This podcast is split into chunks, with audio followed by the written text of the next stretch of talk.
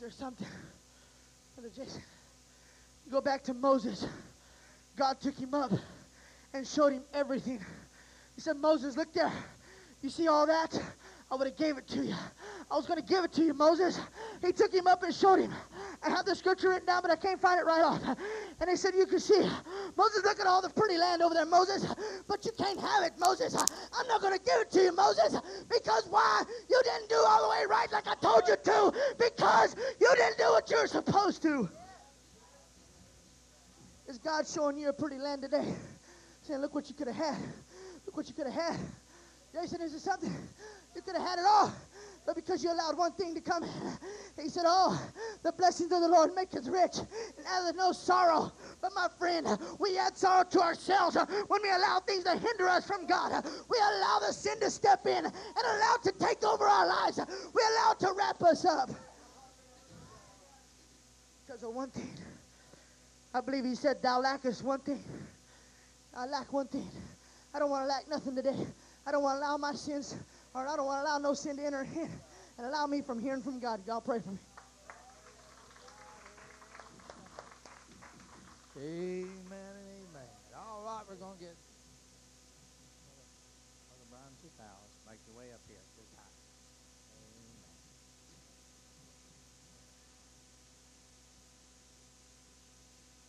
Appreciate the Lord this morning. So glad to be back in the house of God one more time.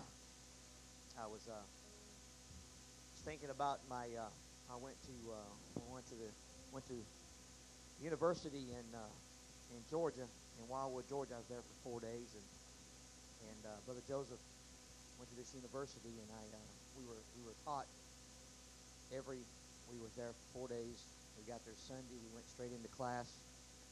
We were there from uh, 6:30 until uh, almost midnight, trying to cram all this information in and trying to do all this writing. But I think about this this life this life-changing journal that I brought home with me, Grandma Harrison. Uh, the things that we wrote down in our professor that was teaching us. Uh, some of the stuff that he was teaching us was talking about uh, do you have a dream? Uh, about your do you have a vision? Uh, do you have your goals? What do you have your goals? Uh, where do you have your where do you have your mindset? You know, what do you have in life? You know, what's what's the most important? The most important things in your life. There was ten most important things in in uh, in our in my life. And number one, number one, mom and dad is number one, and that's God. Number one is God in the house of God, living for God. Number two, that is my that is my family. Uh, number three, of course, we've got to you know we've got to have a we've got to have a an occupation, brother Joseph, that uh, you know we do we we work you know and uh, that we love, and I love what I do, uh, dealing with people every day on a daily day basis. Uh, but my most important, the, in my dream and my goal is to make it to heaven. But you know, I appreciate God this morning because you know I'm thankful that I have my, and you you've got to have, if you and brother James, if you have a balance, you got to have a balanced life. And your balanced life, and my balanced life is the way that I keep my life balanced it's because I put God first in my life. I put Him first and I seek Him first. And there's no other way. You, I mean, you cannot. There's no other way it cannot be balanced, Grandma Harrison. Whenever you've got God, you've got it wrapped up. You're within. It's like a wheel within a wheel, and everything falls together. Everything stays together. But not saying that God didn't say that when we were in inside that wheel, Brother Daniel, that we would hit some bumps and some and some potholes every once in a while. But those things are what, Brother Joseph, and what makes us stronger and helps us through life. But you know, I love the Lord this morning. I'm so thankful to be back in the house of God. I'm so thankful that God blessed me with 30 years ago. God blessed me with an awesome son, Christopher. And I'm so thankful for him this morning. I'm so thankful that he has let God direct him and lead him and guide him in the way that he should go and the way that he is doing, the way that he is his preaching and his his teaching and everything. This morning, I'm very proud of my oldest son, and I love him very much, and I'm thankful this morning. Pray for us that my wife and I we're going to sing in the garden.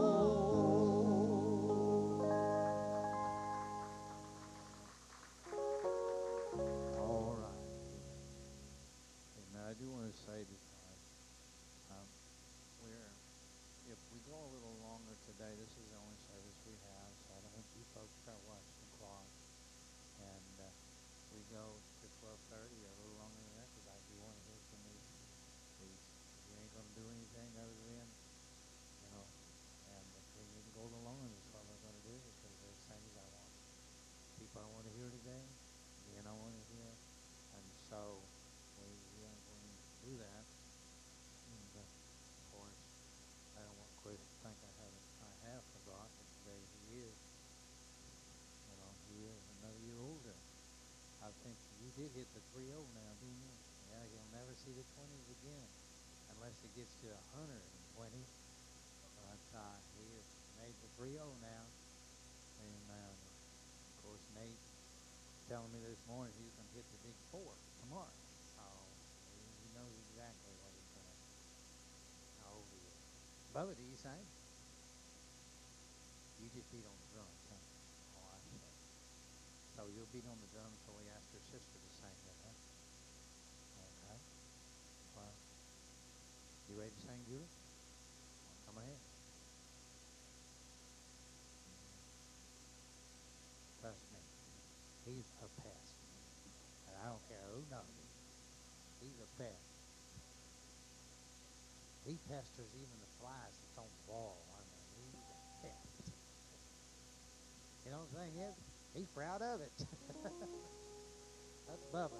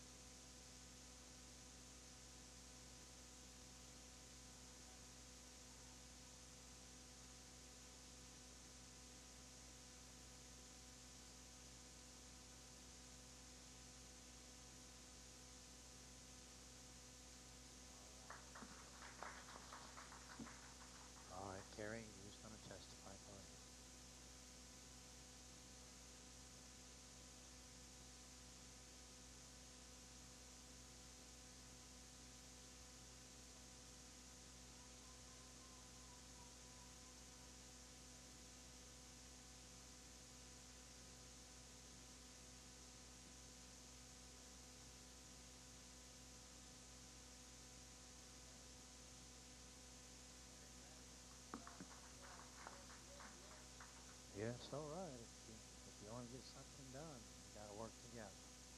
If, if one is working up and the other is working down, you're never going to accomplish what needs to be accomplished. And you have to learn to work together. Amen. At this time, we're going to ask Brother Jay to make his way up here. And, uh, Minus Jay. if you feel like you need to say.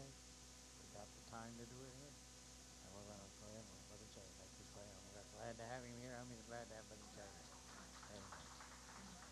Well, praise the Lord. It's good to be in the house of God. Today, I don't. I guess it's still morning. Uh, Jared, come back there and get my Bible for me, my tablet, real fast, real fast. I'm just glad to be in the house of God. It's a great privilege to be here. So good to see each and every one that's in the house of God, and I'm just finding it a great privilege to know who God is and to know Him.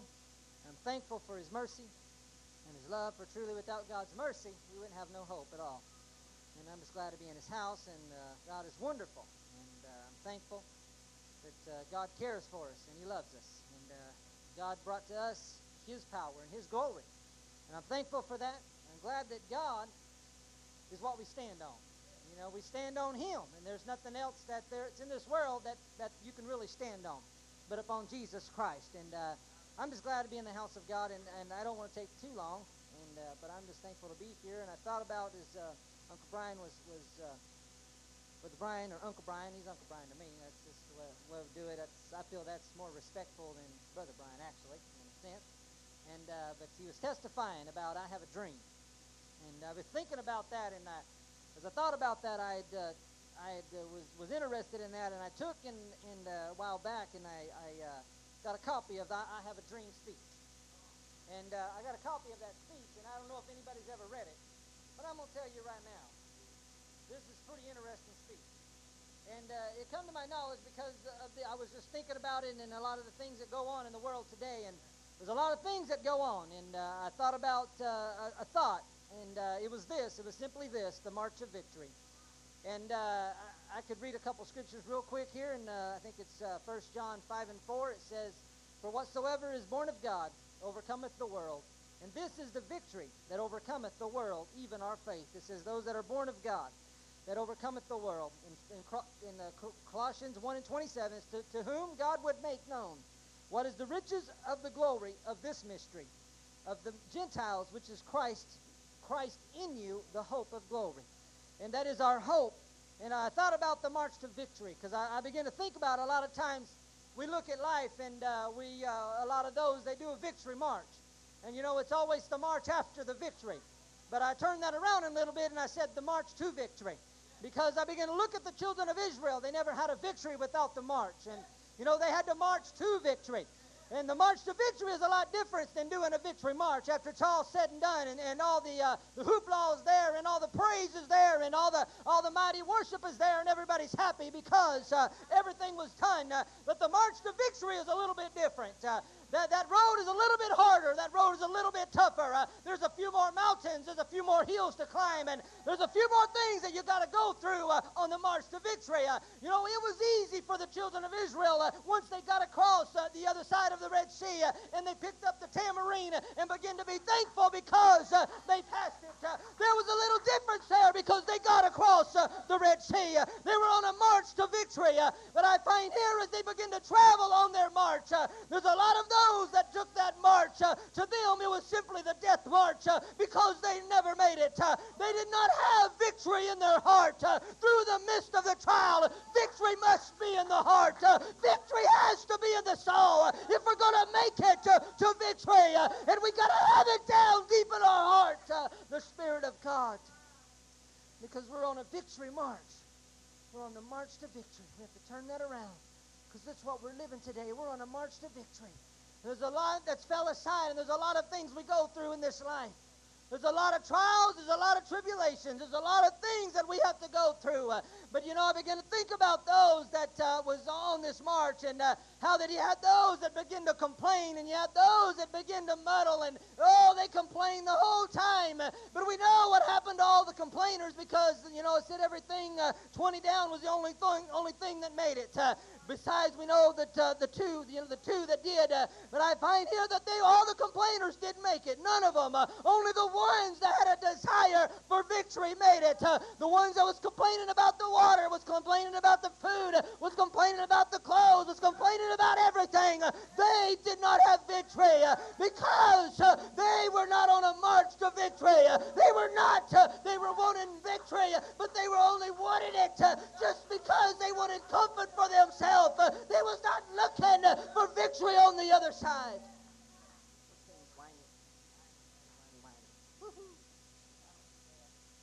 I was thinking about as they marched, but there was a different story. There was a different thing that took place when they got to, when they got over there and they had to begin to do that march around the walls of Jericho. You know, before they had the victory, they had to do the march. They did the march before they had the victory, before victory was ever there. Uh, they had to be quiet. There was no complaining. Uh, they had to do everything that the man of God at that time uh, told them to do. Uh, and if we want victory, we got to obey the Word of God. Uh, we got to follow the steps uh, of the Word of God. And we got to have it in our heart because the trials are going to come. And we're going to face things that we don't understand. But it was a dream that Martin Luther King had. He said, I have a dream. And we look back, and when he did that speech back in 1968, no, 63, I mean, August the 28th in 1963, as he stood upon Washington, D.C., and, and he began to talk and he began to speak upon that speech. And uh,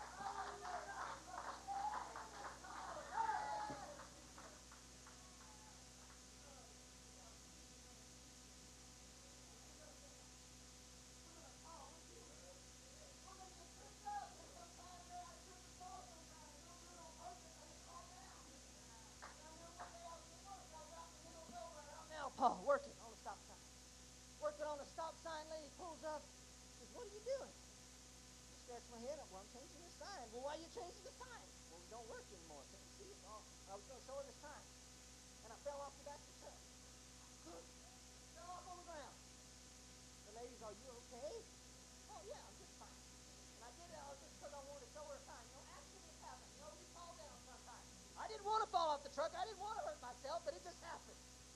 It just happened. Just fell flat truck. Standing up there. I didn't tell my boss either because then I have to write a report and all that good stuff. I didn't get hurt, so I ain't worried about it. Now, to think about on the march to victory, we're going to face some things that we don't understand. Sometimes God is not, we're not going to feel God the way we want to feel Him. Oh, we've been praying, we've been searching, and sometimes we feel like we've gone so far uh, that God won't even be there for us. Uh, but God is still here. God is everywhere. Uh, and if we have a desire to hang on, uh, He said, those that have the hope of glory, uh, when the devil takes everything from us, uh, we still have hope. we still have hope to hang on to. we could still hope and march on to victory because God is our strength and our power. General General George S. Patton said it like this. He says, I don't measure a man, man's success by how high he climbs, but by how high he bounces when he hits the bottom. So that's how I measure a man's success. And Bill Cosby said it like this. He said, I don't know the key to success, but the key to failure is trying to please everybody. That's what Bill Cosby said. He said, I don't know the key to success, but he said, I know one thing. If you try to please everybody, uh, it you're going to fail. You're going to fail. I, I, guarantee you, if you try to make everybody happy, uh, you will fail. Uh, and I tell you, Jesse Jackson said it like this. And boy, we know old Jesse Jackson, that guy's something else. But he had a few good things to say. And he said it like this. He said, never look down on anybody unless you're helping them up.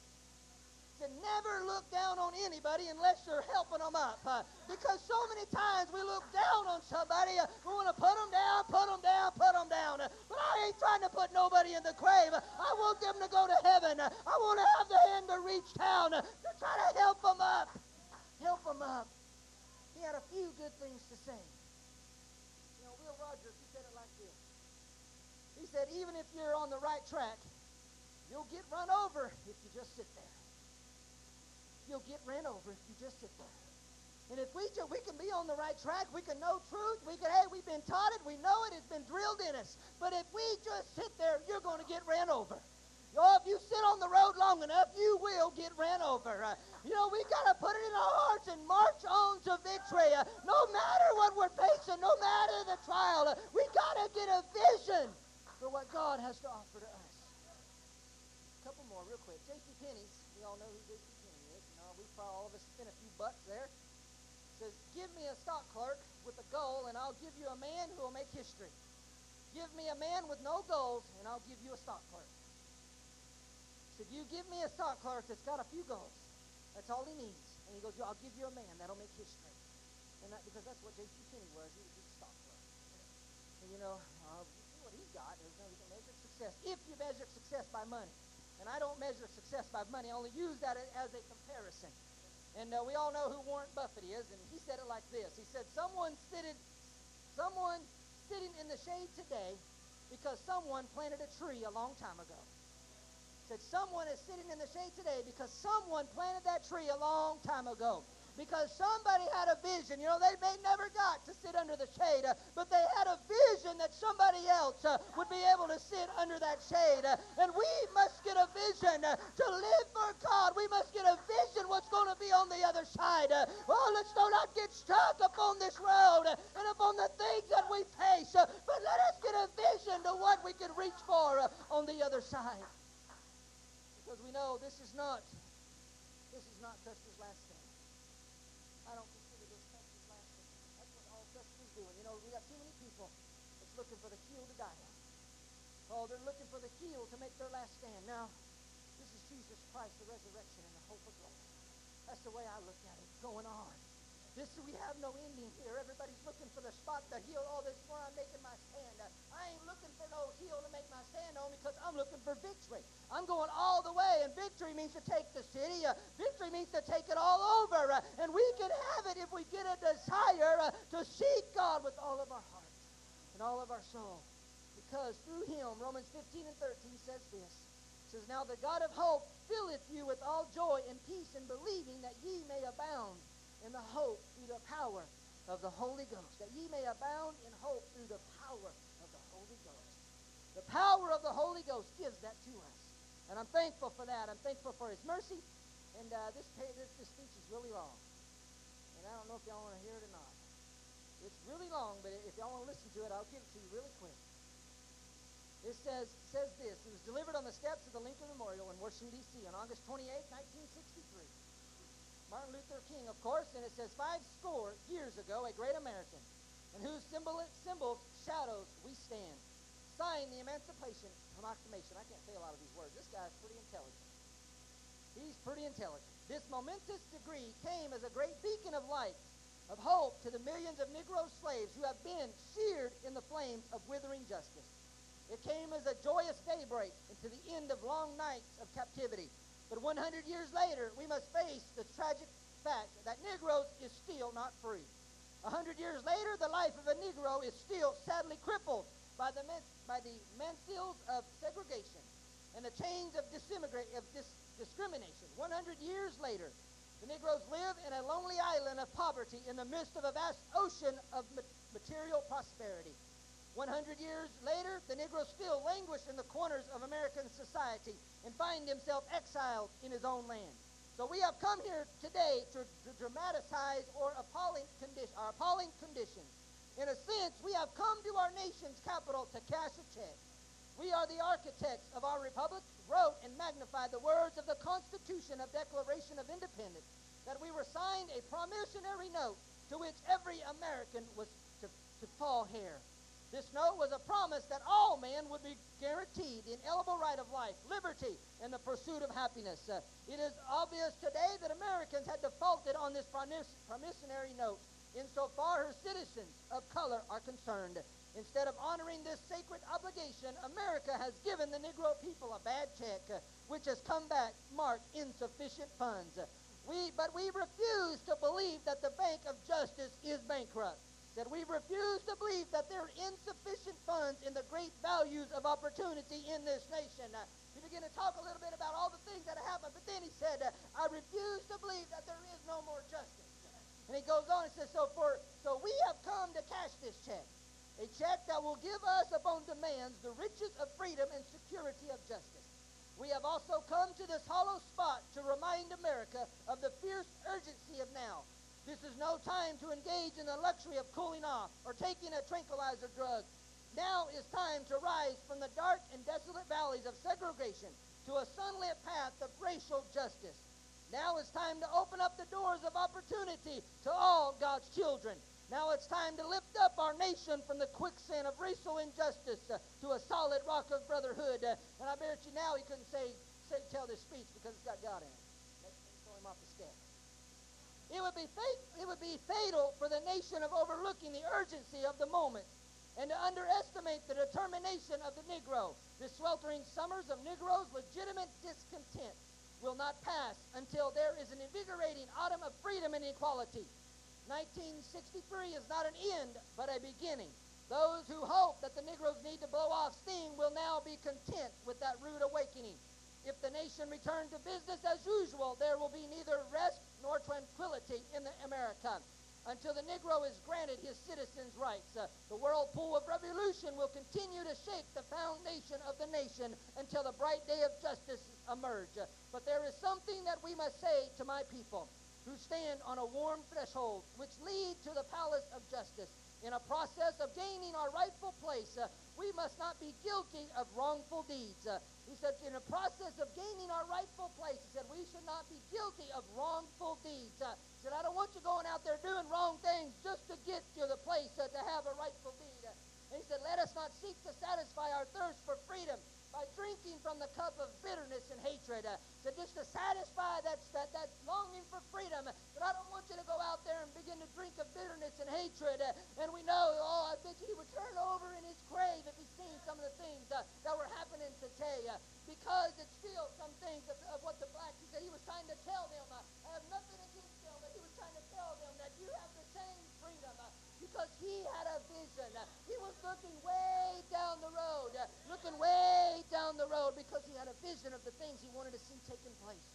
He says, For we must forever conduct our struggles on the high planes of dignity and discipline. We must not allow our creative protest to be generated into physical violence. Again and again, we must rise to the majesty heights of meeting physical force with soul force. Says the marvelous new militancy which has engulfed the Negro community must not lead us to distrust all white people, for many of our white brothers are evident by their presence here today. Have we come to realize that their destiny is tied up with our destiny, and their freedom is inex- inextricable bound to our freedom?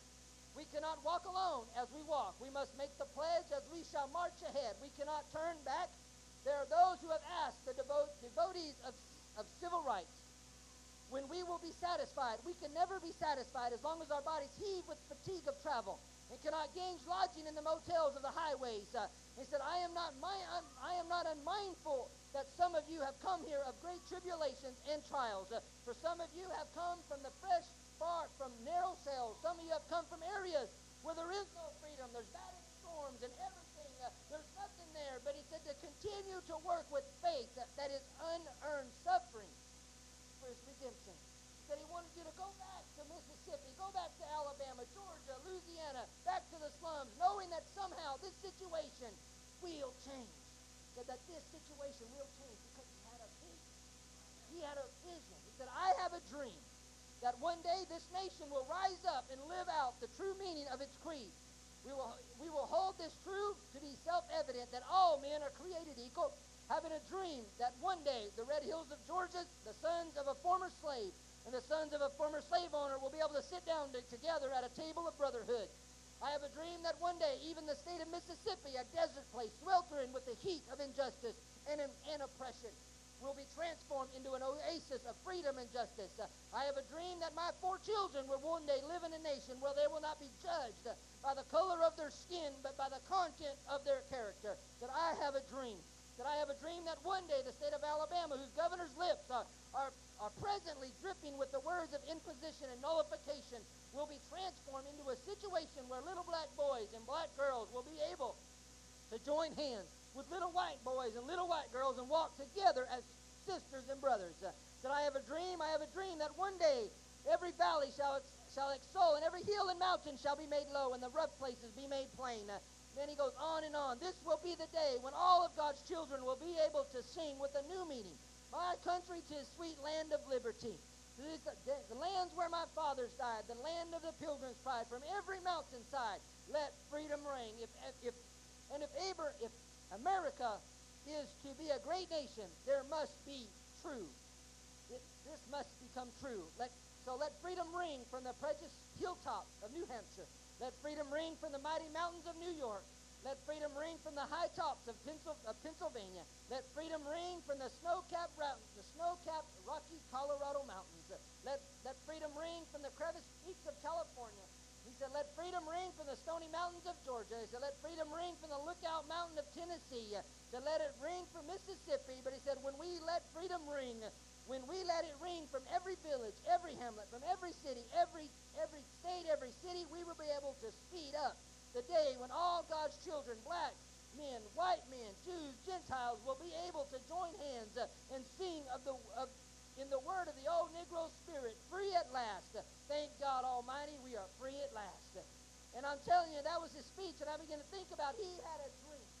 You know, he had a dream because at that time we know, hey, the black folks drink down their water fountain over there, the white folks are drinking out there over there, nothing there, go into a store over there. Uh, but he had a dream, even though it wasn't present at the time. Uh, he had a vision for what was to come. Uh, he had a desire to have victory, and he was marching for that victory And we can have the same desire in God. If we allow the Spirit of God to dwell in us, we can march on and have everything in our life. Even though we may not feel it as a present victory now, we can have it.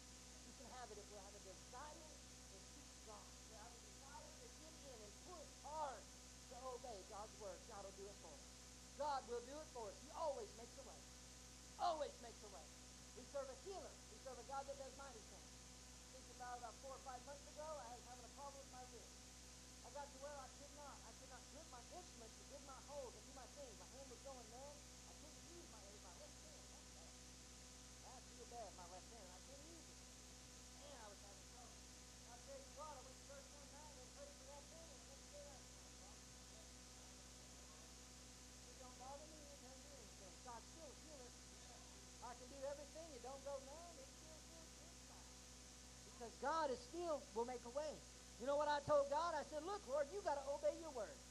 You said that I have to provide for my family. If I can't use this hand, how can I work? God has to honor his word. He has to. He has no, he has no way to get out of it. He has to honor his word. It's his word. He has to honor it no matter what. And we can rely on his faith. Because God is a healer. He still is today. And we can march on the victory. Amen. Marching towards victory. Amen. Enjoy the the side. Amen. We're going to ask this time. Stacy, ready to sign. And come on up this way. Help her sign. When she gets to sign, we're going to ask Chris, my Chris, up here. While they're doing that, Sister Barbara, stand testify.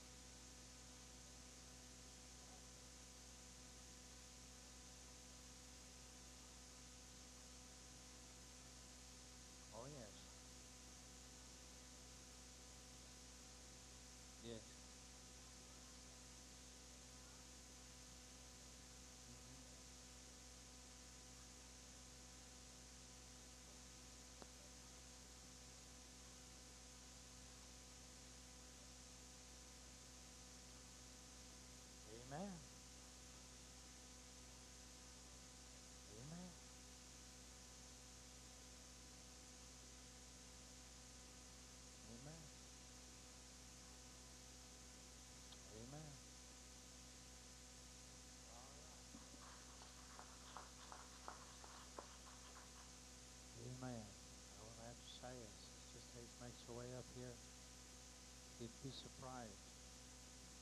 It makes a difference. It really makes a big difference. Like both of them young men now are working more together than they ever have. Because their focus seems to be the same, their goal seems to be the same, and they really, really find hard work together. That makes a big, big difference. And the, the most enjoyable part is both of them really, you know, I enjoy the questions and that they ask me things about the Bible. I enjoy that more than anything else. I enjoy that. And you know, it's, uh, I've enjoyed it, uh, and I'm glad it's happening. I hope I hope continues. Okay, at this time,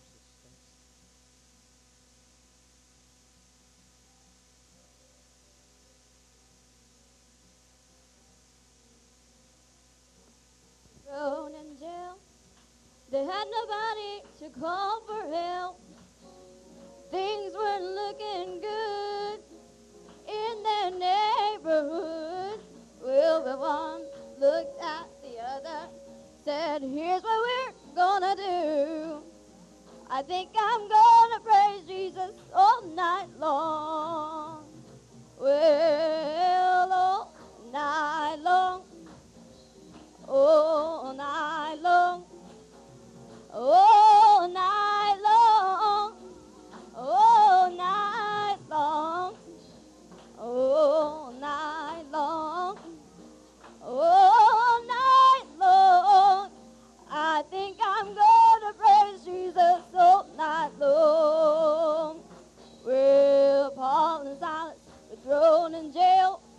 They had nobody to call for help. Well, things weren't looking good. Well, in their neighborhood. Well, the one looked at the other, said, Here's what we're gonna do. I think we're gonna praise Jesus all night long.